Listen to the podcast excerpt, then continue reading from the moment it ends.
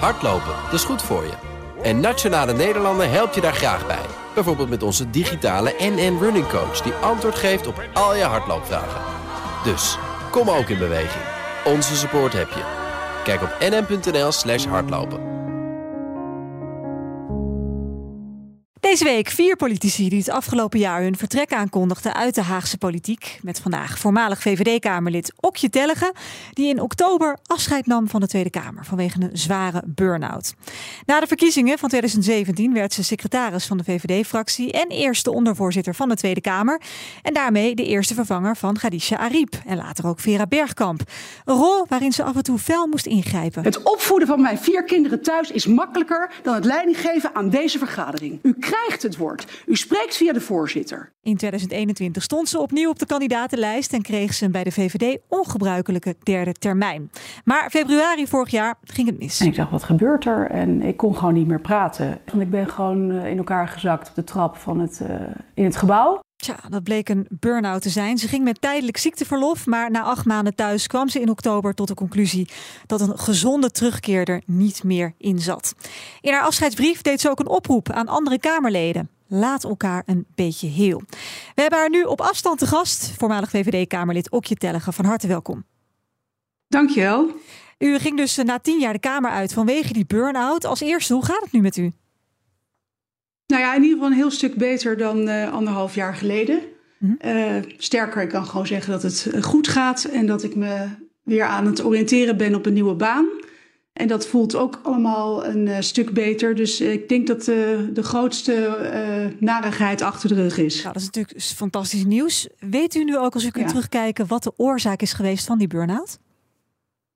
Ja, vind ik altijd lastig. Ik vind überhaupt de hele term burn-out blijft een lastig begrip vinden wat dat is, waar dat begint en waar, waar dat eindigt. Mm -hmm. um, in mijn geval uh, denk ik dat het een combinatie was der dingen. Uh, de combinatie van een echt wel uh, stevige baan die 24 uur per dag doorgaat, um, in combinatie met een gezin met vier kinderen.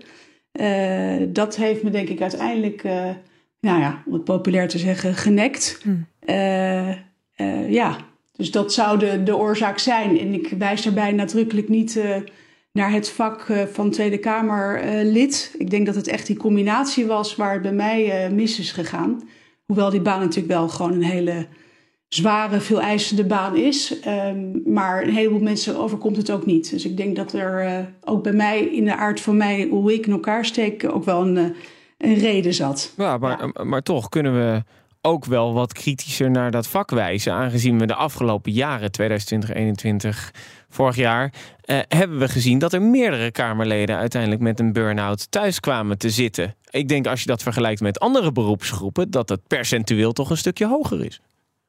Ja, zeker. Ik, ik, ik zeg ook niet dat er daar niks gebeurt en dat het een uh, 9 tot 5 baan is die niet veel van mensen vergt. Helemaal niet. Alleen gevraagd naar mijn analyse van hoe het bij mij zou heeft kunnen gaan, is denk ik een combinatie der dingen en ook echt een karakter met eigenschappen uh, die zich niet altijd even goed lieten combineren uh, met, het, met het vak. Maar het klopt, het is een veel eisend beroep.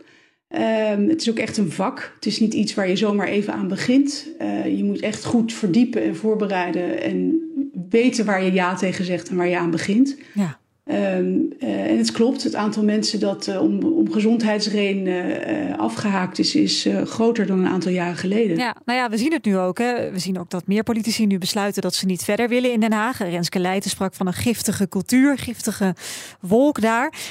Is het nu ook zwaarder dan nou, toen u begon, hè, tien jaar geleden ongeveer? Is het zwaarder om nu Kamerlid te zijn? Ja, ik denk dat er een hoop hoop dingen anders zijn dan, dan toen ik begon. Ik denk dat de waan van de dag nog meer regeert. Uh, het aantal um, partijen is toegenomen, waarmee de geldingsdrang van verschillende fracties natuurlijk is toegenomen. Ik denk dat het politiek klimaat uh, heftiger is geworden, uh, meer sprake van polarisatie. ja, er, zijn, er is een lange lijst van dingen die in de loop der jaren veranderd zijn. Um, en die dragen natuurlijk bij aan een, een permanente druk bij die Kamerleden zelf. Ja, ja, en dan hoor je ook vaak uitmaken van die cultuur. Ja, en dan hoor je ook vaak dat mensen toch ook social media een belangrijke rol toeschuiven hierin. Want volgens mij wordt het ook steeds belangrijker dat je als Kamerlid toch heel goed zichtbaar bent op die socials. Ja, het is inherent aan het werk. Uh, volksvertegenwoordiger ben je, ben je uh, niet zomaar. Uh, je hoort ook te laten zien wat je doet en waarom je doet wat je doet. En je, en je moet je achterban ook uitleggen welke keuzes je maakt, waar je mee bezig bent.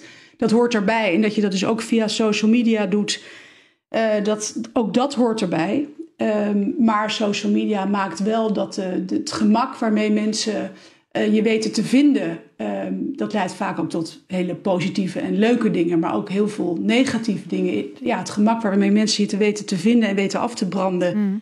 Uh, is, is, uh, ja, is heel groot. En daar moet je wel tegen kunnen, daar moet je tegen bestand zijn. Ja. En als je daar gevoelig voor bent, um, uh, en dat is de een ook meer dan de ander, dan, dan is dat best wel zwaar. Maar is dat de ja. laatste jaren, dat is natuurlijk al een hele tijd, de socials, is dat iets waar je ook in getraind wordt als Kamerlid? Of is het echt hier een beetje van, nou, voel zelf maar even aan wat goed voor je is? Nou, je krijgt natuurlijk wel, ja, ik, ik weet niet hoe dat gaat in andere fracties, maar ik denk dat in de meeste fracties uh, het, het zo gaat. Uh, bij de VVD gaat het in ieder geval zo dat je heel erg uh, wordt voorbereid, een eindeloos mediatraining krijgt, et cetera. Die ziet vooral ook op hoe je je uitdrukt in de media, hoe je je opstelt. Het, maar het zou ook helpen als we misschien meer aandacht gaan geven aan wat er op social media gebeurt, hoe dat kan gaan, wel, welke dynamiek er soms uh, ontstaat. Uh, want ik denk dat een hoop mensen, en dat moet ook voor de Kamerleden die nu weer op willen gaan en die bezig zijn om te bedenken of ze wel of niet op een lijst willen komen, die moeten zich goed beseffen waar ze aan beginnen. Dat is geen dreigement. Maar ik denk wel dat het belangrijk is dat we talent blijven aantrekken, dat we jongeren blijven aantrekken, dat we al die bevlogen en uh, mensen naar de Kamer uh, weten te halen, dan mo moeten ze goed weten waar ze aan beginnen. En um, ik denk dat dat niet altijd even heel, heel, helemaal duidelijk is. Nee. Lossen we het probleem zo ook niet op door juist gewoon een nieuwe generatie te laten besturen? Een generatie uh, die ook anders denkt over het indelen van tijd. En dus misschien niet die prestatiecultuur heeft van maar door blijven werken en mogelijk in een burn-out terechtkomen. Ja, ik denk dat dat zeker, uh, zeker zo is. Ik denk ook dat de, de, de jongere generatie um, uh, heel anders omgaat met social media. Uh, ik stam natuurlijk uit een tijdperk dat ik ben afgestudeerd met een gloednieuwe eerste computer. Uh, en, en nu, en, en dus wij hebben die overgang helemaal meegemaakt, ja. mee moeten maken. En uh, de mensen die zich nu melden, die, die weten niet beter dan dat social media er is. Uh, zullen daar misschien ook anders mee om, uh, omgaan. Ja, dat klopt zeker. Dus ik, ik, het zou zomaar ook uh, in positieve zin goed kunnen uitpakken. Ja. U deed in uw afscheidsbrief vorig jaar oktober een oproep aan Kamerleden om elkaar enigszins heel te laten en ook goed naar elkaar om te kijken. Ja, die woorden zijn zo te zien niet echt harte genomen.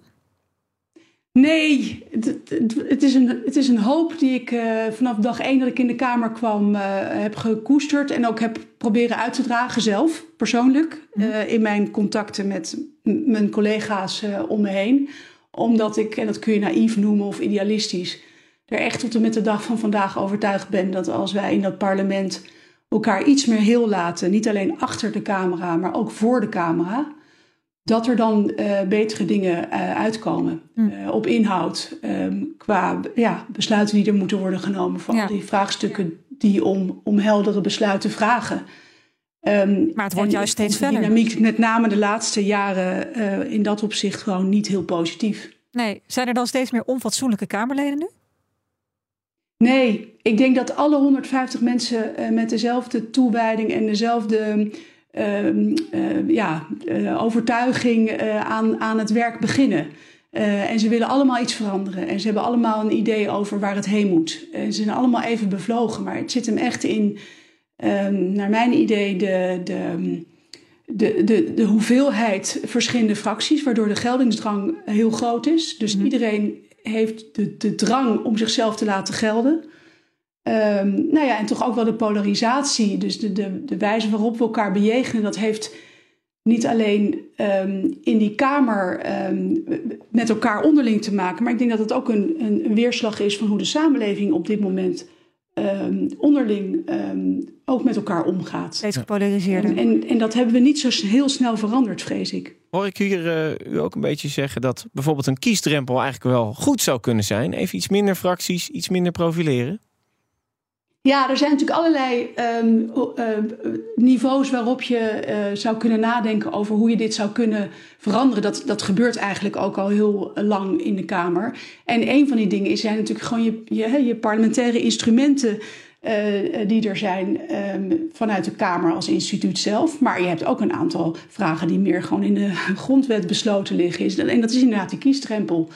Um, ik ben er persoonlijk uh, altijd voorstander van geweest, omdat ik, um, ja, omdat ik denk dat het daarmee een stuk overzichtelijker uh, wordt. Maar uh, die discussie komt elke keer weer terug en tot nu toe is er geen meerderheid gevonden om tot, tot dat besluit over te gaan. Nee, en u kunt hem er zelf niet meer in gooien natuurlijk. Dat vergt echt een wijziging ja, want u, u van komt, het stelsel. Dat is dus niet 1, 2, 3 gerealiseerd. Nee, en, en u komt zelf denk ik niet meer terug. Hè? U heeft geen, geen zin meer om terug te gaan naar Den Haag ooit. Nee, nee, ik heb daar echt tien jaar uh, mijn allerbeste best gedaan. Ik denk dat het echt tijd is, zoals jullie net zelf ook al zeiden, dat daar een hele nieuwe generatie uh, begint.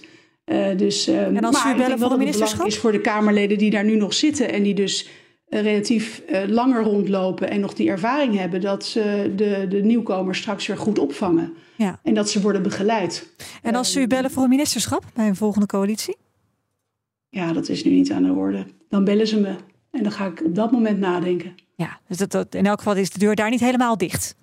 Nee, en ik, ik blijf altijd een politica en ik blijf altijd uh, dag in dag uit geïnteresseerd in de publieke zaak. Ja. En ik blijf altijd lid van de VVD. Dus nee, de, de, het vak heeft mijn hart en de politiek heeft mijn hart. Dus um, ja, nee, die deur gaat nooit dicht. En waar bent u het meest trots op in die tien jaar Kamerlidmaatschap? Ja, dat is een goede vraag. Die wordt me vaak gesteld. Ik moet je eerlijk zeggen dat ik niet altijd even goed het antwoord weet. Ik denk, en dat klinkt misschien een beetje soft, maar dat het me gelukt is om in die tien jaar uh, zoveel mogelijk mezelf te blijven. En dat is nou net ook de uitdaging die dat parlement wel met zich meebrengt. Dat je zo, op zoveel manieren zo vaak aan je wordt getrokken. Dat je verdomd goed moet weten waar je zelf staat, wat je zelf vindt. Um, en hoe je zelf acteert. Um, en dat vind ik, uh, is, me, is me al die jaren uh, goed afgegaan. En, en toch een heleboel collegialiteit die helaas in de media niet terug te uh, lezen is. Maar ik, ik, ik mis vooral deze laatste anderhalf jaar dat ik niet meer in die kamer zit, de collega's. Ja, Raar genoeg. Nou, dat kan ja. ik me heel goed voorstellen, want je bent natuurlijk ook wel een hecht team in zo'n kamer. Ja, ja, en door alle partijen heen. Hè? Dat, dat, dat, en ik vind het zo jammer dat wat er achter de camera's gebeurt in de wandelgangen, uh, s'avonds na debatten, als we met elkaar broodje eten, dat die mate van collegialiteit en elkaar dingen gunnen en elkaar inderdaad heel laten, um, dat die er wel degelijk is, um, maar dat in de, ja, de, de uitverkoop naar buiten, uh, naar de samenleving, te laten zien waar we allemaal voor staan met al die verschillende partijen en al die individuele Kamerleden, daar gaat het dan mis.